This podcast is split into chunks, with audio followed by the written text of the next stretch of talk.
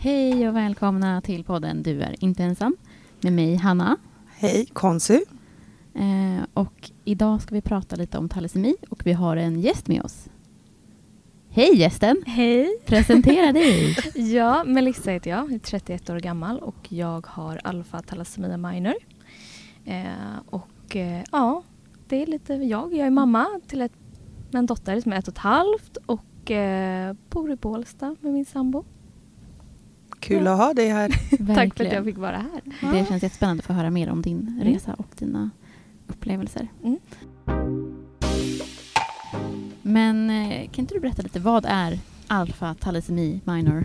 Eh, ja, vad är det? Det är väl den stora frågan. Men, eh, nej, men det är ju att, för att säga lätt, man lider av konstant blodbrist på en, på en nivå som ja, påverkar dig dagligen skulle jag vilja säga. Mm. och jag fick diagnosen 2010. Hur, men, hur gammal var du då? Ja, nu är jag och matte. Eh, 2010, det är, vad är det, 12 år sedan? Ja. Ja. ja då var jag... Då var du 19? 19. Ja, jag vet inte hur beräkningen var bara. Mm, ja, men då var jag 19. Okay. Eh, så det var gymnasiet alltså? Eller precis efter gymnasiet? Precis efter gymnasiet mm. eh, skulle jag vilja säga. Jag hade hunnit flytta hemifrån. Mm. Mm. Redan en omvälvande tid liksom. Jaha. Nej men och jag har väl, jag har väl alltid under min uppväxt mått dåligt. Mm. Jag har ju, alltså min talassemia påverkar ju mig på så sätt att jag svimmar. Okay. Eh, och har alltid svimmat under hela min uppväxt. Sen jag var liten. Mm. Eh, men man har aldrig riktigt liksom, gjort någonting åt saken. Man har aldrig riktigt utrett det på rätt sätt. Mm. Eh, så att jag har aldrig riktigt fått den hjälpen. Eh, och som, eh, som kvinna och har den här sjukdomen så när du börjar få din menstruation så förlorar du blod en gång i månaden. Mm. Jag var tio när jag fick min eh, menstruation. Mm. Så att redan då började jag svimma. Och, ja, men min mamma fick sjukskriva mig från skolan nästan en vecka under den veckan för att jag mådde så dåligt. Var det då du började få dina symptom på talassemian också? Ja, det skulle jag väl säga. Eh, vad jag vet. Sen har väl min mamma alltid sagt att jag alltid varit väldigt trött. Mm. mm. Så, när jag varit barn och, och lite sådär. Och den här tröttheten är ju någonting som du konstant lever med. Mm. Du är ja. ju trött konstant. Mm. Och när man inte vet om att man har den eh, eller riktigt, riktigt förstår vad den här sjukdomen är så um, mår man bara dåligt. Du är trött. Du vet inte varför. Eh, du får bara höra att du är lat från mm. omgivningen. Mm. Eh, så att eh, jag har haft det väldigt, väldigt tufft. Eh, och sen då 2010 när jag fick diagnosen, det var inte på grund av att de utredde mig utan det var för att min pappa kom i kontakt med en läkare som visste vad det här var för typ av sjukdom. Oj. Och min pappa, det var en slump alltså? Det var bara en ren slump. Och min pappa mådde dåligt under den tiden. Eh, jag ska inte gå in på varför för jag mm. vet faktiskt inte riktigt vad det berodde på att han sökte vård. Men det var då det kom fram och det var då han sa då att den här läkaren att men det är ärftligt så att vi bör testa dina barn. Mm. Eh, och då gjorde man ett test på mig och insåg att jag hade det. Tillsammans med mina bröder har ju det också då. Mm. Eh, och, men det var liksom inte mer än så utan det var så här, ja du har den här sjukdomen som din pappa och sen var det bra med det. Liksom. Frågade de dig hur du har mått liksom, fram tills dess? Nej, ingenting. Utan, ingenting om du har haft några symptom? Eller så? Nej, ingenting. Utan men, det som var, det var ju att min mamma bara, aha, nu. Det här förklarar ju allt liksom. Men alltså hur kan de liksom inte ens fråga om du har några symptom på en diagnos som de ställer? Nej. Ja, ja. jag måste då snabbt lägga mig in där mm. lite. För eh, så här är det ju. Den diagnosen du har ska man ju inte ha någon eh, känning av Precis. egentligen. Precis. Ja, och då blir det per automatik att den mm. läkaren säkert som gjorde de här testerna ansåg det som att ja, men det är inte så viktigt. Nej, precis. Vi har gjort testerna och nu går vi men vidare. Men det är så konstigt liksom. Men det är så du ska inte ha symptom vi skiter i om du har det. Alltså det ja, men, det men, det är lite så som har varit under hela ja. tiden och är mm. än idag. Mm. Skulle jag vilja säga. Fastän det är så uppmärksammat nu. Mm. Så är det att man tystas ner för att har du minor mm. av den här sjukdomen så ska du inte känna någonting. Nej. Fastän du går ju i princip runt mer eller mindre varje dag med blodbrist. Mm. Ja. Liksom. Och jag tror att någonstans så hamnade jag lite under det här att jag har en pappa och två bröder. Jag menar, Mm. De har inte menstruation varje Mm. månad. Nej. De förstår inte det där och jag hamnade lite under dem hela tiden. Att så här, nej, men de mår ju Mm. hyfsat bra. Mm. De känner av tröttheten absolut. Mm. Men eh, det är ingenting som påverkar dem Mm. så mycket som för en kvinna till exempel. Nej. Och det, det som har varit är ju då att trots att jag fick den här sjukdomen på papper så visste ju inte jag heller vad det menades med. Jag skämdes ju för att säga att jag hade någonting. Mm. Så att när jag väl sökte vård ibland Mm. så nämnde inte jag. När de frågade Mm. är du frisk i övrigt? Ja, sa jag då. För att, vad ska jag säga? Mm. Ska jag säga att ja, men jag har thalassemia minor men Jaha, Mm. vad är det för någonting? Ja, det vet jag inte. Nej. Ja. Hur påverkar det dig? Ja, det vet jag inte. För att jag Mm. visste inte vad det var. Nej. Och när man väl pratade om det så var det väldigt så att du ska inte påverkas. Utan Mm. det är bara om man har major eller ja men liksom Mm. så. Så att jag kände mig väldigt nedtystad och jag Mm. skämdes mycket över det här under min Mm. uppväxt. Och jag skämdes över att jag svimmade Mm. hela Mm. tiden. Så att då började det med att men var jag tillsammans med mina vänner till exempel och så började jag känna att nej men jag mår inget bra. Då gick jag ju ut. Jag gjorde misstaget Mm. jag gick ut. Så då hittade man mig på gatan avsvimmad och jag har Mm. ingen minne av varför. Ja, för Eh, att du skämdes för du ville inte simma fram, framför Nej, dem. Liksom. precis. Jag ville Mm. liksom inte svimma framför folk. Eller var jag på jobbet så men gick jag iväg eller Mm. jag sjukskrev mig. Eller, Mm. För att jag skämdes otroligt mycket. För Mm. jag visste inte vad det var som hände med mig. Och Mm. när jag sökte vård så fick jag ingen hjälp. Mm. Så jag kände ju någonstans att det är mig det är fel på. Det är jag som är en svag människa. Eh, så allt det här blev ju till slut att jag började lida av psykisk ohälsa. Mm. Jag Mm. fick panikångestattacker för Mm. att jag var så rädd. Mm. Mm. Ehm, och jag, jag tappade mig själv någonstans. Jag visste inte vem jag var. Mm. Ehm, och det är väldigt viktigt att prata om med den här sjukdomen. Mm. Att det är biverkningar. Att Mm. psykisk ohälsa, det ligger precis där. För Mm. att du blir inte förstådd. Mm. Du, får in, du träffar inte någon som vet vad du går igenom. Mm. Det är ingen som kan förstå. För att utåt sett så ser ju inte jag sjuk ut. Nej, Nej. gud nej. Men vad som händer inombords, Mm. den tröttheten och det jag känner, det kan man inte ta på. Nej. Det ser man ju inte. Så att det förstår man inte heller. Mm. Eh, och psykisk ohälsa det är ju någonting som jag än idag lider av. Mm. Och kämpar, kämpat över tio år med mina Mm. panikångestattacker. Mm. Så att eh, för mig är det viktigt att man, man pratar om det. Att Mm. det är så mycket mer än att man bara får en diagnos på papper. Mm. Ja.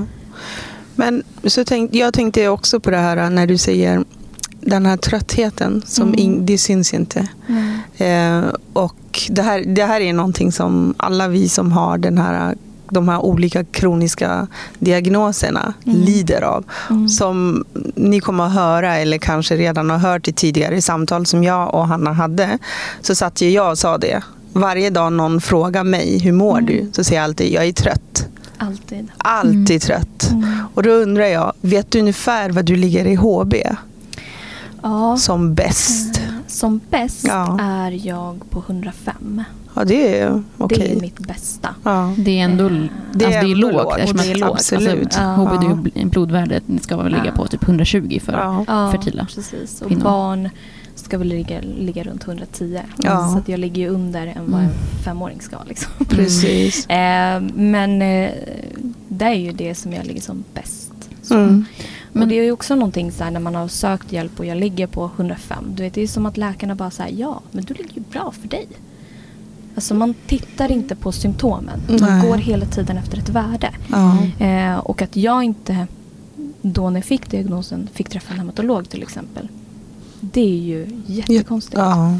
Men det är, det är också det här, man kan ta prover för att kolla sitt blod men man kan inte ta prover för att kolla tröttheten. Utan det är någonting som läkaren då måste lita på att du säger Mm. Att du är jättetrött. Men de bara, Ja. nej allt ser bra ut, vi går vidare. Liksom, det är så himla så här, det är fel i systemet. Nu är vi återigen i det här systemet Mm. som jag Ja. klagar på hela tiden. Men liksom att det är fel i systemet, att man inte Absolut. lyssnar på det som du upplever. Man tittar bara på provresultaten. Liksom. Ja, man går efter ett värde och, och någon har satt att det är normalt för dig. Mm. Men vad vet du vad som är normalt för mig och Mm. vad jag känner i min kropp? Mm. De här konstanta svimningarna är inte normalt. Mm. Nej. Och det hela tiden jag har fått höra det att det är inte farligt att svimma. Fast om jag svimmar ute på gatan Mm. och spräcker skallen i, i Mm. en sten. Mm. Mm.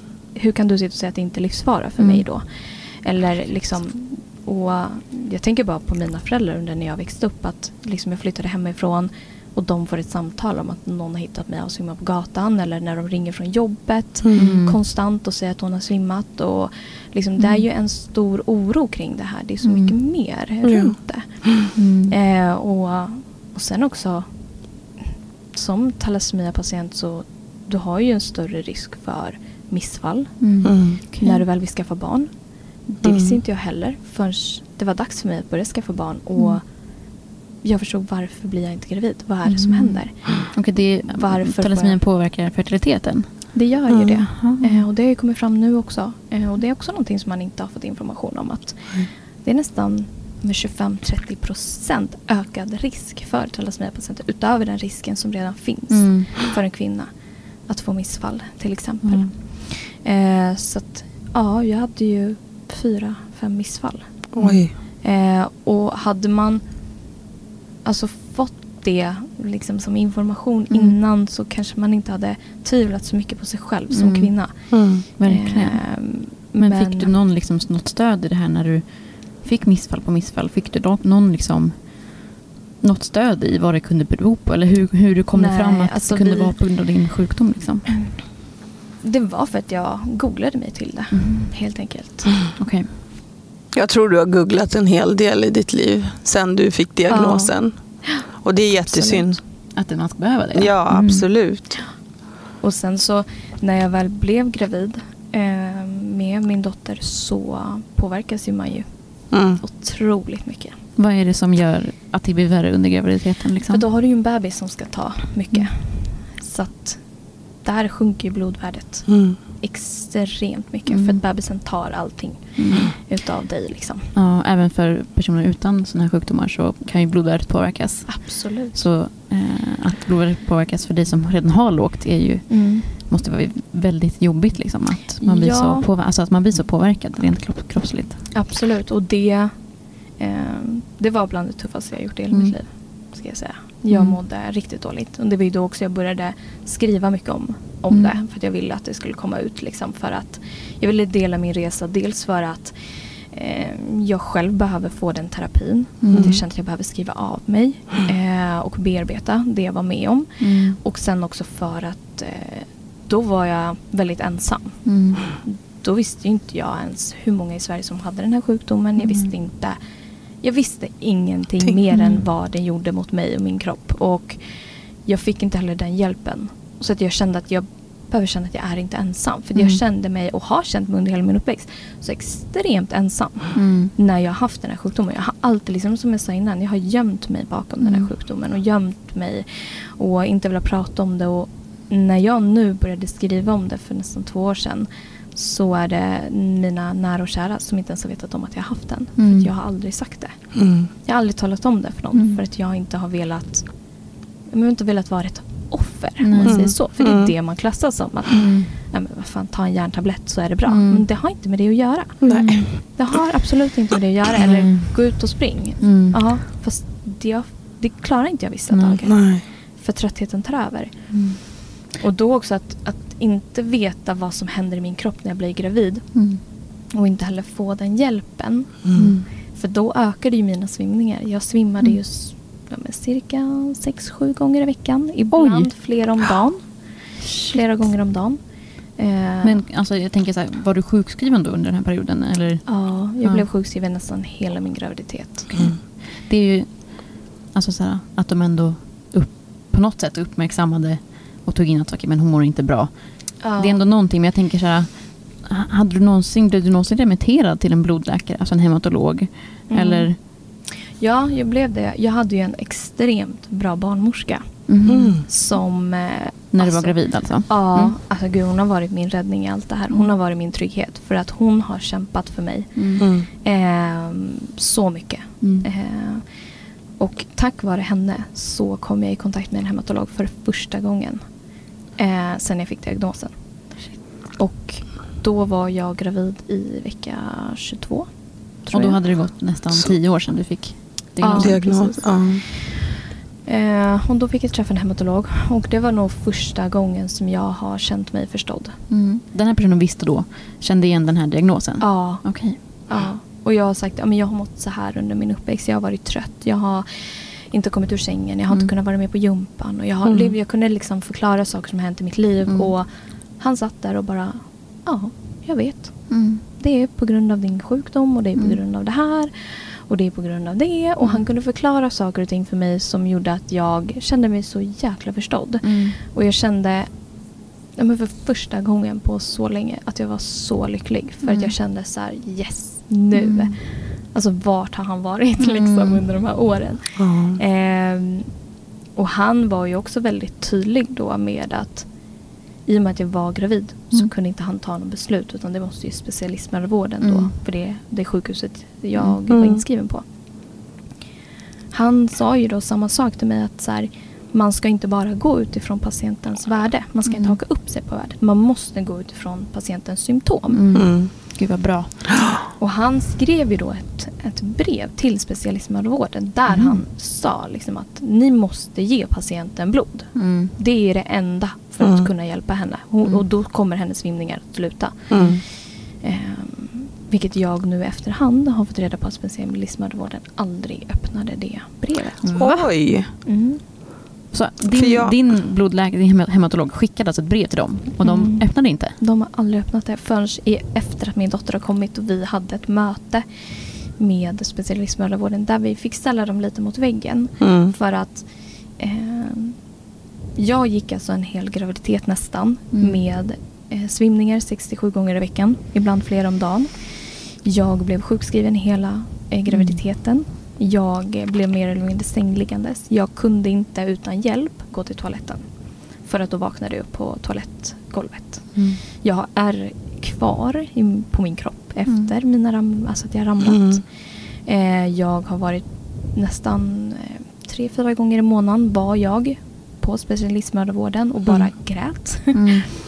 Och kom ihåg då också att jag var gravid när det var som värst Mm. under pandemin. Så Mm. min sambo Mm. fick ju inte följa med in. Jag var helt ensam. Jag var Mm. helt utelämnad liksom. Mm. Jag var så nedbruten ett tag att jag psykiskt tog Mm. det över mig och eh, kunde inte längre glädjas åt min graviditet. Och det gick så långt att jag eh, utvecklade graviddiabetes för att jag kunde inte röra på mig. Ehm, jag kunde inte motionera, jag kunde inte göra någonting. Och ehm, jag... Nej, men jag var så dålig att jag började få förändringar i mitt EKG. Så att jag var inne på hjärt... Hjärt. Ja, Ja. så att okej. jag var inne på hjärtintensiven två gånger la de in mig. Varför vill de inte, din, alltså specialistmödravården, varför, varför öppnar de då inte det här brevet från din läkare när du mår så här dåligt? Var, alltså var? Mm. Vad fick du för, eh, för svar när ni, när ni ställde dem mot väggen? Då där? Nej men då, eh, för jag fick ju till slut blod. Mm. Då var jag gravid i vecka 36 tror jag. Mm. Eh, och du kan ju gå 41 veckor som max Mm. eh, idag som gravid. Vecka 36 då fick jag blod. Mm. Och det var ju som att jag blev en helt ny människa. Ja. Mm. Jag mådde ju så fantastiskt bra. Men hur kom det sig att du då fick blod till slut? Alltså hur lyckades du Det var en övertala på något sätt? Ja, Alltså, men det var för att min barnmorska hon ringde ju till överläkarna och hon eh, liksom och, och sen också för att då var det andra gången jag hamnade på hjärtintensiven. Mm. Så de tog ju också kontakt med dem. Så det var flera nu avdelningar som tog kontakt. Och då fick jag en annan läkare via specialistmödravården Mm. som jag fick träffa då eh, en tisdag som Mm. sa det. Du kan inte gå en enda dag till gravid. Mm. Det går inte. Så då veckan efter, eller då fick jag blod. Mm. Eh, veckan efter, två veckor efter, vecka 38 var jag då. Mm. Då sa de det, nej men det, oavsett om jag har fått blod så det går liksom inte. Mm. Men då hade min graviddiabetes tagit över så mycket att jag behövde insulin. Mm. Mm. Och då sa de det att då valde de att sätta igång mig och få ut min dotter för Mm. att jag orkade inte mer. Min Nej. kropp började liksom mm. lägga av. Och då eh, när vi då i efterhand har fått tala med specialistmödravården, det var, jag tror det var sex veckor efter att min dotter föddes. Då, då erkände de ju att de har misskött min graviditet. Mm. Och i framtiden om jag vill eh, önska fler barn så ska jag inte vara rädd för det utan att då ska det finnas en gravidplanering där jag ska få mm. blod. Eh, sen är ju det hemskt för att vi är ju jätterädda för mm. att ens försöka få barn. Det är inte ens mm. garanterat att vi kan. Mm. Men vågar vi göra det här igen? Mm. För att jag någonstans var med om det. Mm. Jag känner min kropp. Men för mina nära och kära och speciellt min sambo som stod vid sidan mm. av. Ah, för honom är det jättejobbigt. Mm. Men man kan inte äh, göra någonting. Liksom. Nej men du kan inte göra någonting. Och det är ingen som lyssnar på dig heller. Nej. Det är ju det som är problemet. Att, mm. liksom, jag har ju ändå en blodgrupp där jag kan ta emot blod från alla möjliga. Mm. Men ändå så var det nej. Det var mm. nej, nej, nej. Och de kunde aldrig säga varför. Mm. Än idag har vi inte fått svar på varför. Det måste vara någon typ av ehm. stolthetsgrej. Att man bara så här, nu har jag bestämt mig för det här, då är det så oavsett vad någon säger. Alltså, det, alltså de här läkarna ja. och barnmorskorna, att de liksom bara har någon, någon stolthet. Eller, alltså så här, jag kan inte ja, se något ja, annat. Liksom. Jag vet liksom. inte heller. Och går man tillbaka i min journal som, som vi har gjort för att, liksom, ja, men då, för att se allting. Så är det ju också att den här läkaren som var väldigt tydlig med att nej du ska inte få blod. Mm. Hon har ju även skrivit att så här, när min barnmorska då har ifrågasatt mm. mm. så har hon skrivit klart och tydligt i min journal. Jag förstår inte varför patienten bara inte nöjer sig med mitt svar. Ja men det där är helt fel. Det där är, då är jag åter tillbaka. Mm. Då känner jag bara så här, hmm, det handlar inte ens om kunskap. Nej. För hon, hon vet, hon kände mm. till allt det här. Mm. Men det är bara det här som du säger, det är stolthet och det är helt fel. Mm. Det är så och då, jävla respektlöst. Liksom. Ja. Och då är vi åter på det här att det krävs så många mm. liksom, människor för att saker och ting ska ske. Just mm. när det kommer till vården. Att, att man hela tiden, det där känner jag igen. Mm. Men nu har jag liksom haft turen att jag har ju pratat för mig. Jag har mm man blir ju sin egen läkare också till slut. Absolut, ja, ja. det blir man ju. Ja. Men har du träffat den här läkaren som skrev sådär i journalen som, som liksom nekade dig att få blod? Har du, var det den personen du träffade i efterhand? Nej, det var det inte. Utan jag träffade hon som skrev att jag skulle få blod. Hon som fixade till slut mm. att jag fick blod. Okay. Eh, och hon... Eh, alltså man såg ju på henne att hon tog ju till sig. Liksom, mm. Och, mm. och tycker också att det, det är helt misskött mm. alltihopa. Mm. Men det var också hon som då sa att mm. jag ser att vi inte ens har öppnat ditt brev, eller hematologens brev. Liksom. Mm. Så det var på så sätt vi fick reda på att de har inte ens öppnat det. Och hade de gjort det kanske jag hade fått blod tio veckor innan ja. och hade kunnat fortsätta jobba, hade kunnat mm. må bra, inte Precis. behöva liksom, må så psykiskt dåligt som mm. jag gjorde. Och, mm. och någonstans fick jag hela tiden så höra att ja, men bebisen mår bra där inne. Mm. Men till slut var det ju att jag blev liksom så frustrerad att jag liksom bara jag skiter i hur bebisen mår. Mm. mm. Jag mår inte bra. Jag mm. kommer inte... Jag är livrädd för att gå in i en förlossning. Mm. Hur mycket blod får jag tappa? Kommer jag klara av det? Liksom både jag och min sambo vi var ju så förstörda att vi gick ju in med och trodde att jag kommer inte överleva den här förlossningen. För vi fick inte den stöttningen, vi fick inte den hjälpen. Och man pratade inte om hur talassemia påverkar Nej. en graviditet. Och, mm. eh, så att, eh, och när det började påverka hjärtat så eh, har ju det satt liksom men för mig. Att, mm.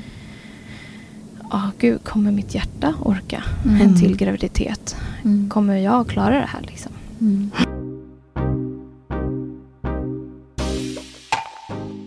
Kan du bara berätta vad det är som gör att hjärtat påverkas av det här? Men det är ju det att när du har blodbrist så som jag har förstått det mm. är ju att hjärtat behöver jobba hårdare. Mm.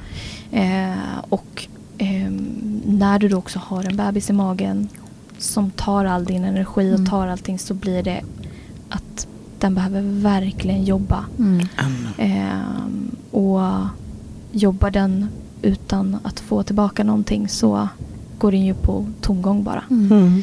Mm. Och då visar det sig i, i ett EKG att, mm. mm. att det blir förändringar i ditt EKG. Och det finns goda förändringar och det finns eh, elakartade förändringar. Mm. Eh, tydligen så hade jag goda förändringar, vilket någonstans är positivt. Jag vet Mm. inte.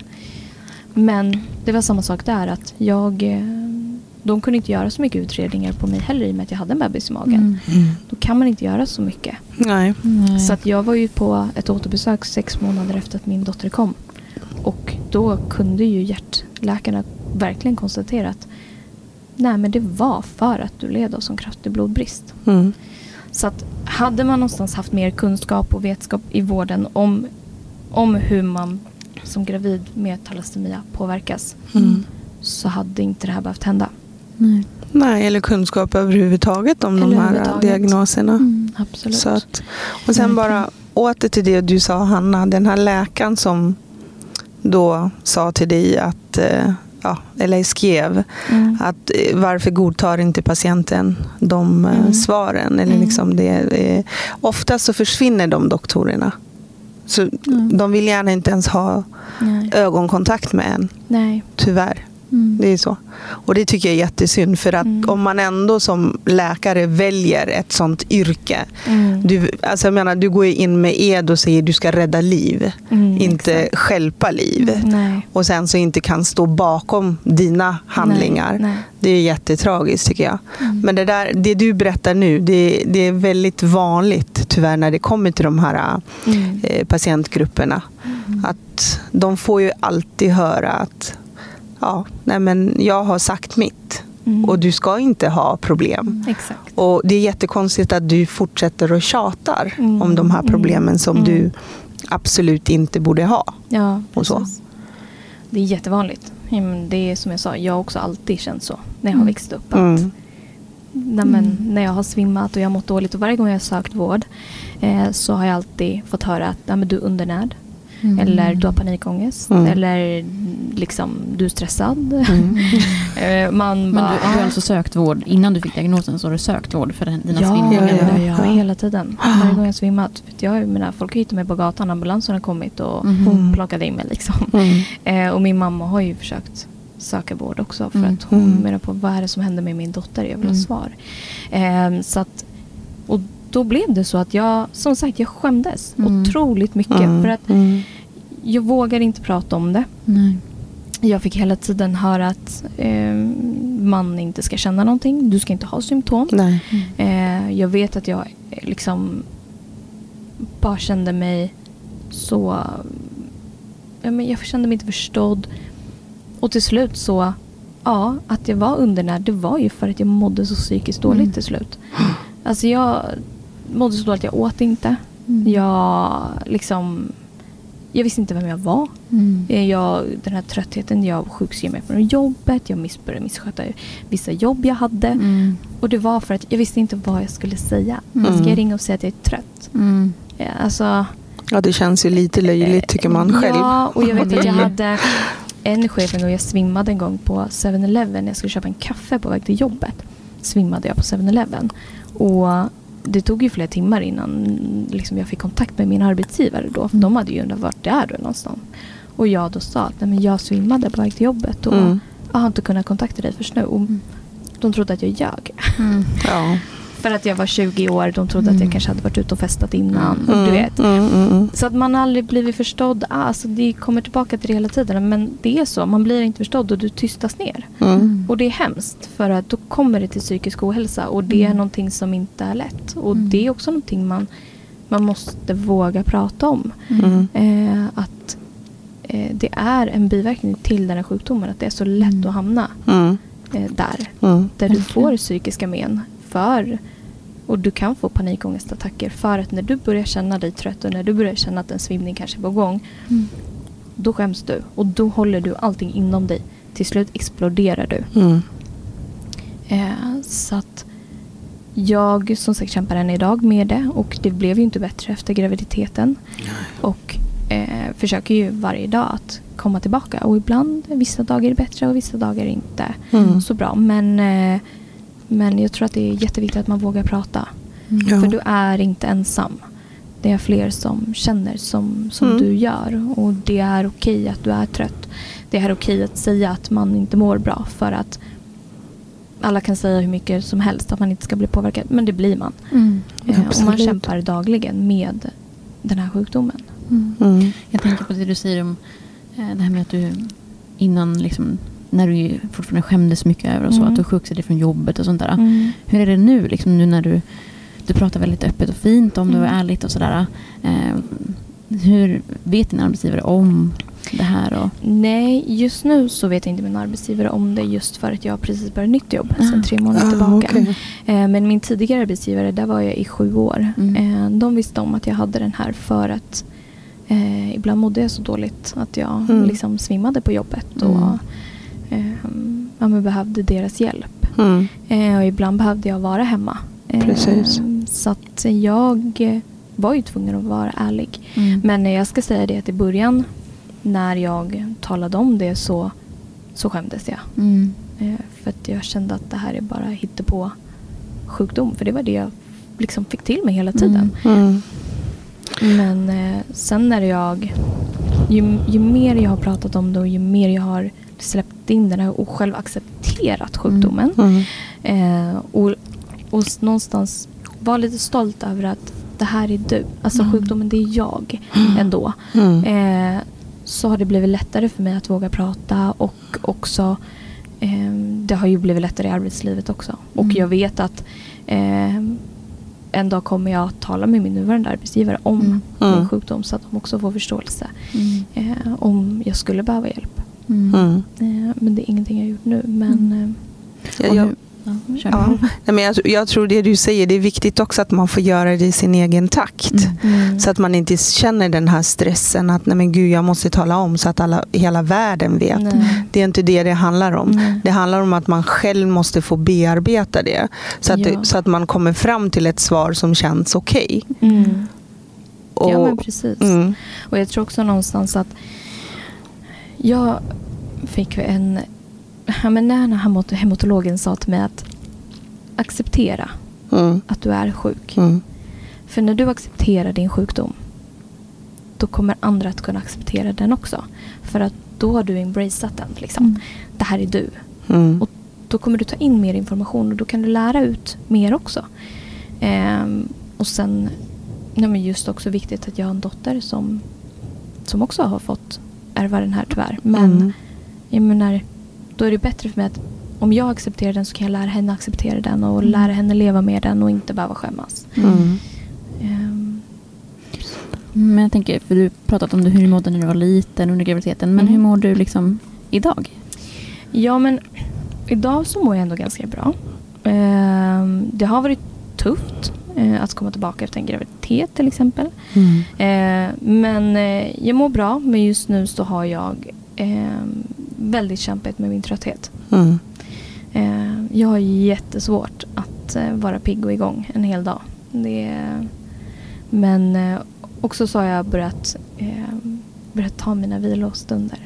Det är jätteviktigt. Ehm, men eh, det är som min sambo säger att han ser ju på mig nu. Mm. Man pratar om att man inte ser när en thalassemia-patient är Mm. trött. Mm. Men eh, bjuder man in sin sambo som kanske inte har sjukdomen Mm. till att lära sig mer om den så han har lärt sig jättemycket nu. Mm. Alla de här små signalerna liksom. Ja, precis. Mm. Och han kan se på mig på en gång Mm. när eh, sjukdomen tar över lite. Mm. För att han säger det att det är någonting i din blick, säger han. Att Mm. du loggar ut. Ja. Och det har vi även sett på vår dotter. Mm. Så att han säger det att jag ser samma blick i henne Mm. som jag ser i dig.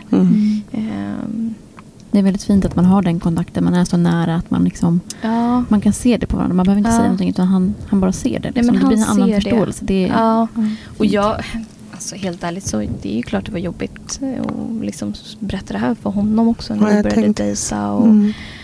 nej, det var jättetufft och jag gömde det jättelänge. Mm. Hur många år? Mm. För det är många som gömmer Mm. sånt liksom, Ja. när man har en diagnos. Mm. Och speciellt kroniskt. Då Mm. vill man ju inte prata om det. Nej. Man vill ju inte tala om Nej, för sin eh, nej, partner. nej. Mm. Jag Så. tror att jag berättade för honom faktiskt när vi försökte skaffa barn.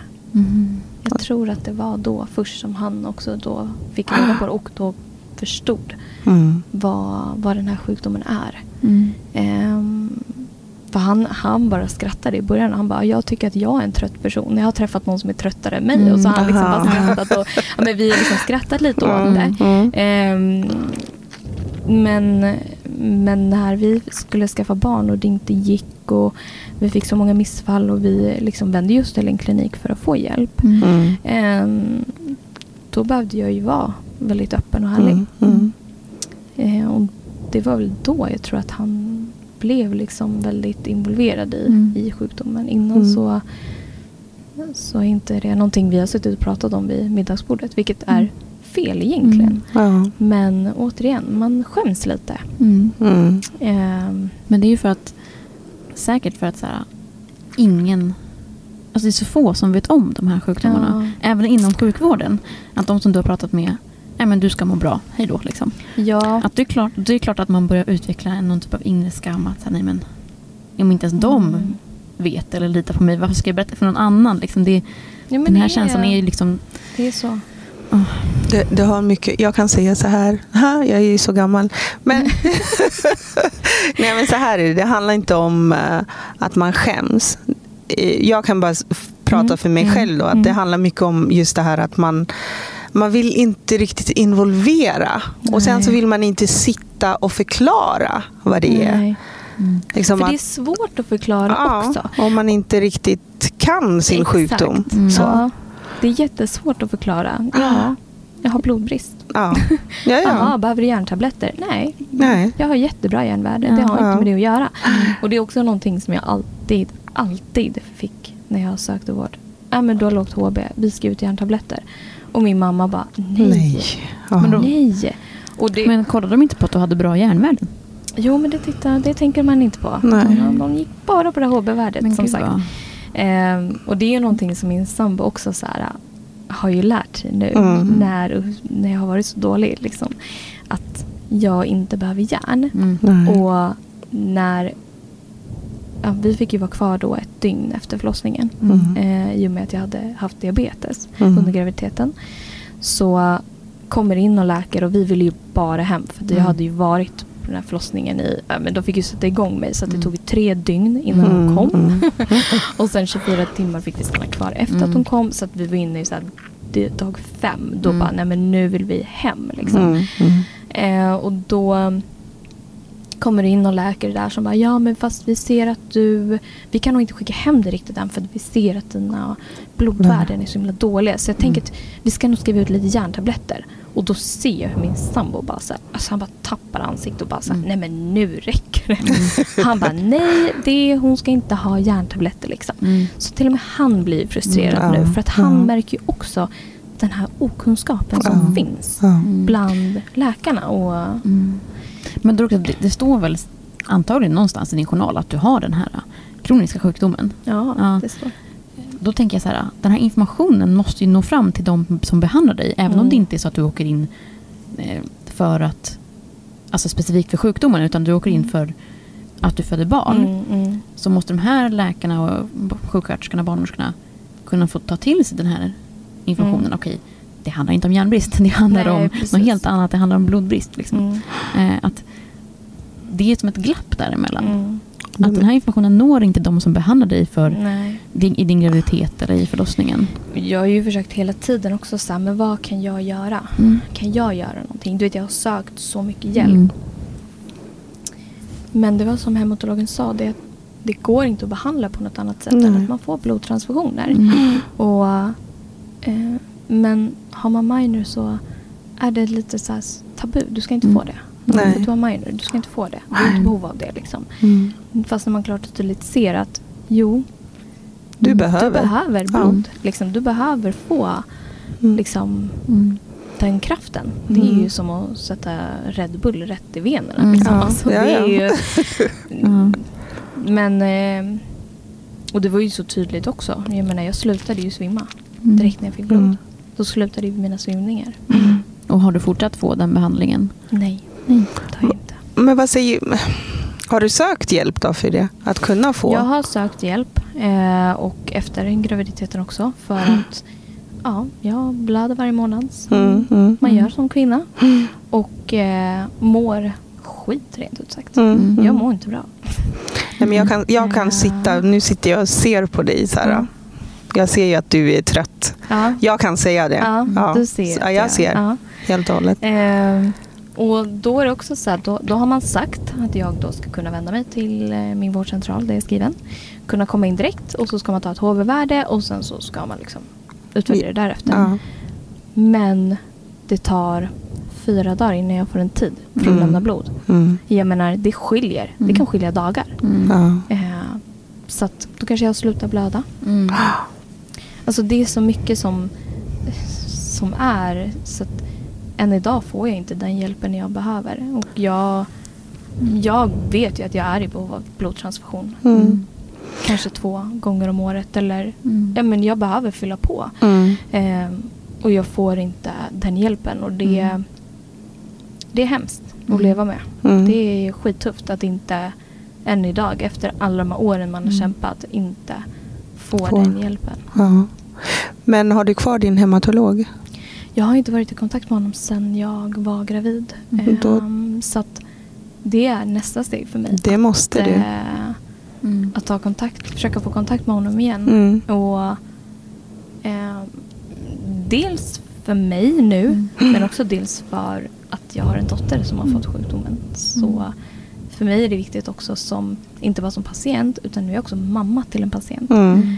Liksom, vad, vad är det för varningssignaler jag ska se på henne när de är så små? För jag minns ju inte Nej. när jag var Nej. så där liten. Jag kan, ju, jag kan ju hjälpa henne sen när hon kommer upp i tonåren kanske. Mm. Vad är det vi behöver se? Vi ser ju på henne också att hon är väldigt trött idag. Mm.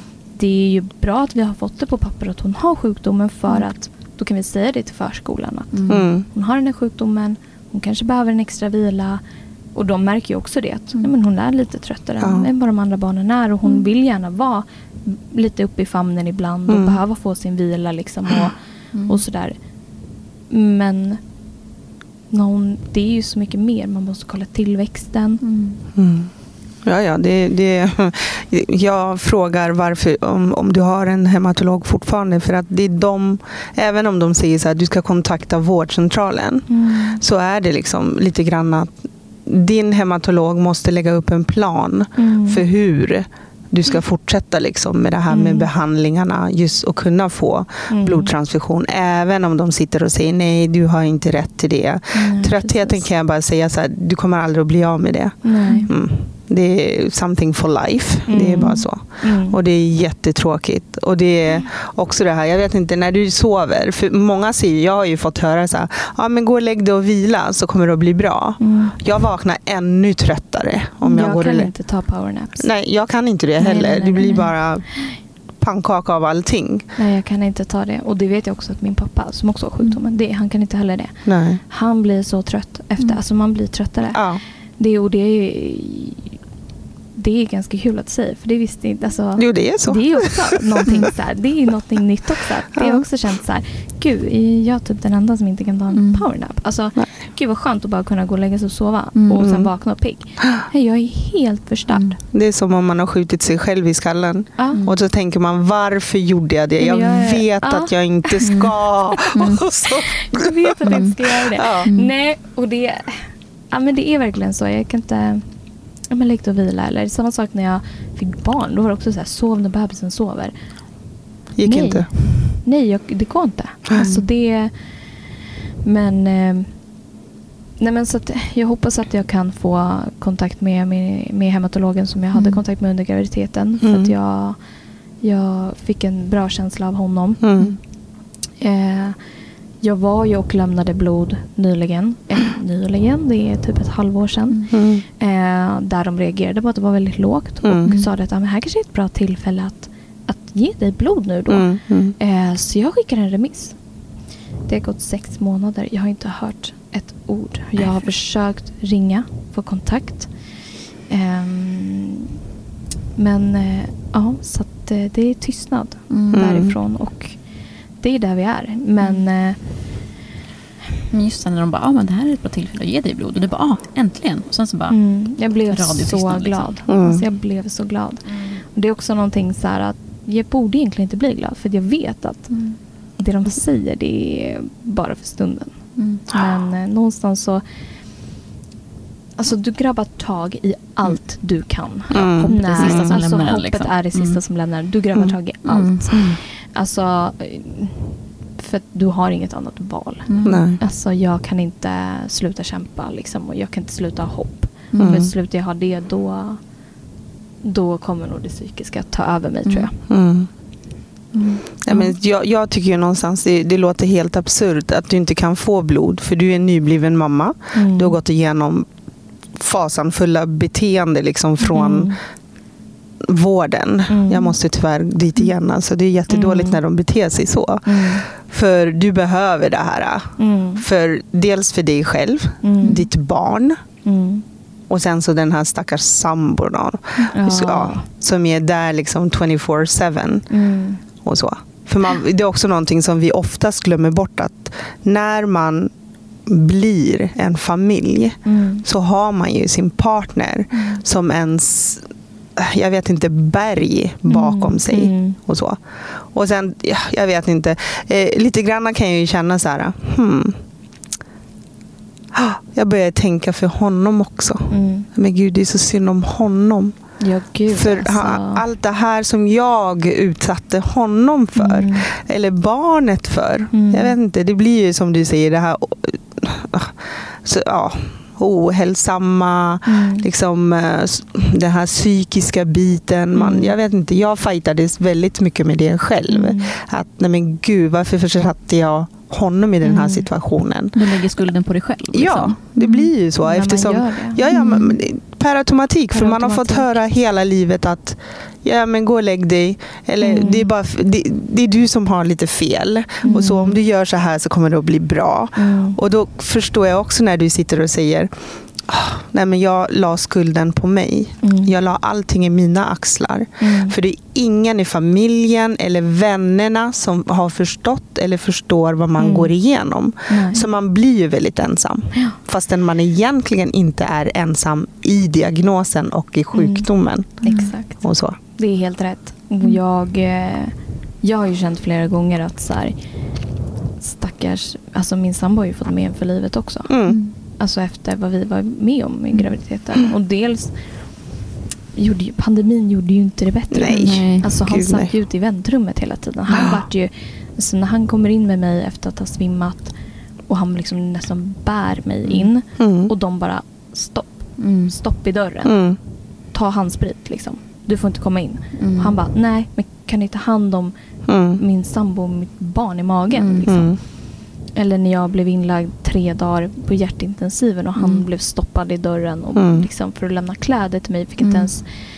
Alltså Inte jag ens kan få se varandra, liksom. Nej, jag kan inte ens Ja. tänka mig hur det har varit för honom att Mm. bara få sitta där på den här parkeringen i bilen eller sitta i den här äh, kafeterian och, Mm. och inte veta Mm. hur det går och inte kunna föra sin talan. Mm. Det har inte bara varit min talan heller utan det har ju varit hans också. Mm. Liksom, vad, hur det påverkar. Mm. Och han har ju sett saker som alltså han har ju sett saker som jag inte ens minns idag. Mm. Mm. Hur, vad som hände. Mm. Eller hur, liksom, hur allting gick till. Mm. Så att jag har ju känt väldigt mycket ånger och skuld lite för att han har behövt gå igenom det här. Mm. För att på något sätt så har jag tänkt att det är mitt fel. Mm. Det får du aldrig känna. Nej, och jag har ju alltså behövt psykologisk hjälp. Mm. Eh, och jag har ju gått och haft eh, samtal med en psykolog som har hjälpt mig väldigt mycket med Mm. att känna att det är inte mitt fel Mm. utan du är sjuk. Mm. Det är inte ditt fel Mm. Nej. utan det är vad det är. Och ehm, Det är jättetråkigt att, att det blev som det blev och det är ingenting jag hade kunnat göra annorlunda. Nej. Utan för det, det ansvaret låg inte i mina händer. Det låg tyvärr i sjukvårdens händer och Mm. vi fick inte den hjälpen. Mm. Ehm, men, eh, men det är väldigt tacksam för min sambo för att han, eh, alltså han har ju verkligen varit mitt, men min stöttepelare och min, min trygghet genom hela den här resan. Och Mm. eh, än idag när jag mår så dåligt, senast igår sa han så här, har du hört någonting om blodtransfusioner? Jag bara nej. Nej, jag har inte hört någonting. Så han bara, jag ringer. Nu ska jag Mm. ringa. Mm. Han bara, vi sätter en, en nål i Mm. min blodådra, inte din. Typ. Nej men så att han, och han är också väldigt sådär, han var väldigt bra också när vi fick vår dotter att han Mm. ville också testa henne så tidigt som möjligt för Mm. att han ville veta. Mm. Eh, och han vill lära sig och han, eh, pushar mig jättemycket till att våga prata om det. Och, Så att han är, mamma, han är väldigt fin och väldigt bra och jag är väldigt tacksam att jag har honom faktiskt. Att han är så förstående. Mm. Det är så fint att höra liksom, att det finns människor runt om som Mm. inte själv är liksom fysiskt drabbade men Nej. anhöriga att de liksom Mm. engagerar sig så mycket. Ja. Och det är väldigt fint att höra dig liksom berätta om det här med psykisk ohälsa. För att, som vi sa tidigare, det är så tabubelagt. Det är så få Mm. som vågar prata om det för att man skäms. Liksom. Det, är Mm. så himla, så här, det är så fint att höra sättet du pratar om det. Eh, jag tror Mm. att det är betydelsefullt för många. Många kan nog känna igen sig, även om man kanske inte har just den här sjukdomen. att Nej, man kanske kan precis. känna igen sig eh, i det som du har Mm. upplevt och det som du känner. Liksom. Mm. Ja, psykisk ohälsa är så himla brett. Eh, och Mm. egentligen så... Nu är det ju viktigt att prata om det just för att vi pratar om sjukdomen. Mm. Men psykisk ohälsa är ju någonting som kan drabba vem som helst. Mm. Verkligen. Och ehm, ibland vet man inte varför det händer en själv. Nej. Ehm, men också att man ehm, får rätt hjälp från början. Mm. Eh, för det kan sluta väldigt illa ehm, i vissa fall. Så att eh, det är någonting som, som ligger mig eh, nära hjärtat att prata Mm. om. Just för att jag har haft folk i min närhet som lider av det och jag själv har lidit av det under många år. Och ehm, att eh, du ska inte skämmas Nej. helt enkelt. Mm. Utan eh, ta hjälp och någonstans när man gör den här resan så, vet, så känner man också av vilka, vilka människor man kan lita på. Mm. Ehm, så att om man har alltså lider av psykisk ohälsa så skulle jag nog vilja säga att börja med att titta dig omkring. Vad har du för vänner Mm. runt omkring dig? Mm. Vilka är det som bidrar till Mm. din psykiska ohälsa och vilka är det som försöker hjälpa dig ur Mm. det? Mm. Väldigt viktigt. Och känner man att- man har en trygg punkt någonstans, prata. Mm. Mm. Öppna upp dig. Säg jag mår inte bra. Mm. Och sen så får man ta det därefter. Vad Mm. det beror på eller vad man behöver liksom eh, gå, gå in på djupet med vad det, vad det kommer Mm. ifrån. Mm. Det tog ju mig väldigt många år innan Mm. jag förstod att det var på grund av min sjukdom Mm. som jag hamnade där från början. Mm. Eh, men ju mer jag pratat om det, ju mer jag har lärt mig om den så förstår jag ju att det var på grund utav den för att jag vågade inte prata. Mm. Mm. Och det ledde till, till, till det. Mm. Mm.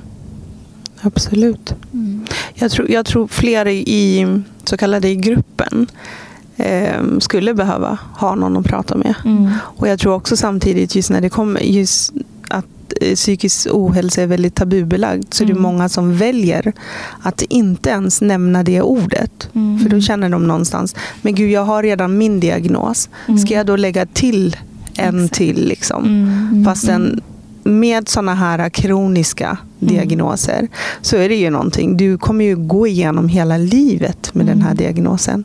Du kommer ju aldrig att bli fri den. Nej. Så att om inte du bearbetar Mm. den här psykiska biten också så Mm. blir det väldigt svårt. Mm. Så att, Absolut. ja. Och sen också, alltså just med psykisk ohälsa, vad jag vet så... Alltså det är ju bara att kolla i idrottsvärlden. Mm. Du får inte säga att du mår psykiskt dåligt. Nej. Mm. Alltså, det finns så många olika... ehm, det är inte lätt att, att, att ställa sig där och säga att jag mår psykiskt dåligt eller Mm. jag lider av psykisk ohälsa. Absolut, det är inte lätt. Men hela världen kanske inte behöver veta om det heller. Nej. Utan det är ju det som är också att man bara vågar prata. Och känna att man kan prata med någon som man känner sig trygg med. Som Mm. vet att så här, den här personen dömer inte mig. Mm. Mm. För att jag har ju också, jag kan säga det, jag har inte jättemånga vänner. Men det gör inte mig någonting för att de vännerna jag har, de finns där när det här tar över mig. Mm. Ehm, men jag hade också förut när jag försökte prata om psykisk ohälsa och att jag inte mådde bra så hade jag också vänner som eh, var liksom så här, äh, det är väl bara göra någonting som får dig glad. Mm. Mm. Alltså, Ja. det är så lätt att vara så här, äh, fan det är väl bara att må bra. Mm. Mm, de fattar verkligen inte att det är så mycket mer än att bara Nej. göra någonting som är kul. Man bara, Ja. ja. Eller när man får den här panikångestattacken att du får ju dödsångest. Mm. Du tror ju där och då att du kommer att dö. Mm. Hjärtat kommer att stanna eller det känns som att någon har en snara runt din hals, du Mm. kan inte andas. Och jag tror någonstans också, har man inte varit med om det själv, Mm. visst det är jättesvårt att sätta sig in i det. Mm. Men man behöver inte döma ut Nej. personer som går igenom det. Eh, och det är det som är viktigt, att man också vågar prata om att vi har panikångestattack eller jag har Mm. panikångestattack och det här händer med mig då. Mm. Så jag tror också att det är viktigt för människor som inte har, har det eller lidit av det att man du behöver inte förstå, Mm. men du kan lyssna. Mm. Du behöver inte döma, Mm. Nej. för det är otroligt tufft. Mm. Mm. Ehm, Mm. Fin- att finnas till bara, tror jag. Mm. Det är det. Och, och det är det många människor misstolkar. Att finnas till, vad behöver jag göra? Mm. Liksom. Vad behöver jag göra för att kunna liksom, få den lilla hjälpen jag behöver? Mm. Ehm, ja, precis. Men eh, jag tänker vi kanske ska eh, avsluta. Jag tycker om att avsluta på en så här, mm, positiv, eh, med något positivt. Man pratar om någonting roligt på slutet. Ja, ja. För Annars, annars är det så, det är så jobbigt att så här, säga, prata om jobbiga saker. Det sista man gör. eh, men för du har pratat om din graviditet och så. Eh, och din dotter då. Mm. Som nu är, hur gammal? Ett och ett halvt. Ett och ett halvt. Ja. Härlig ålder. Ja, alltså hon är så rolig just nu. Mm. Hon, det bara kommer nya ord och hon eh, busar Mm. och hon sjunger. Och, Ja. ja, hon är så rolig. Gud vad härligt. Ja. Ja. Mm, fint att höra. Mm. Ja, ja nice. Men eh, då kanske vi ska... Avsluta. Ja, Ja. Mm. Och jag vill ju bara säga tusen tack till Melissa. Tack ja själv. verkligen. Så himla fint att få höra. Ja, tack för det är så många ämnen som vi har tagit om, talat om idag. Mm. Men eh, jag är så himla, jag är så himla glad att du vill dela med dig. Ja, Det tack betyder för att jag fick komma hit. Mm. Jätte, tack för att ni finns. Du får jättegärna komma tillbaka. Ja, absolut. Ja. Det gör jag gärna. Mm. Men tack alla som har lyssnat. Så Vi hörs. ja, i nästa avsnitt. Ja. Tack Melissa. Tack.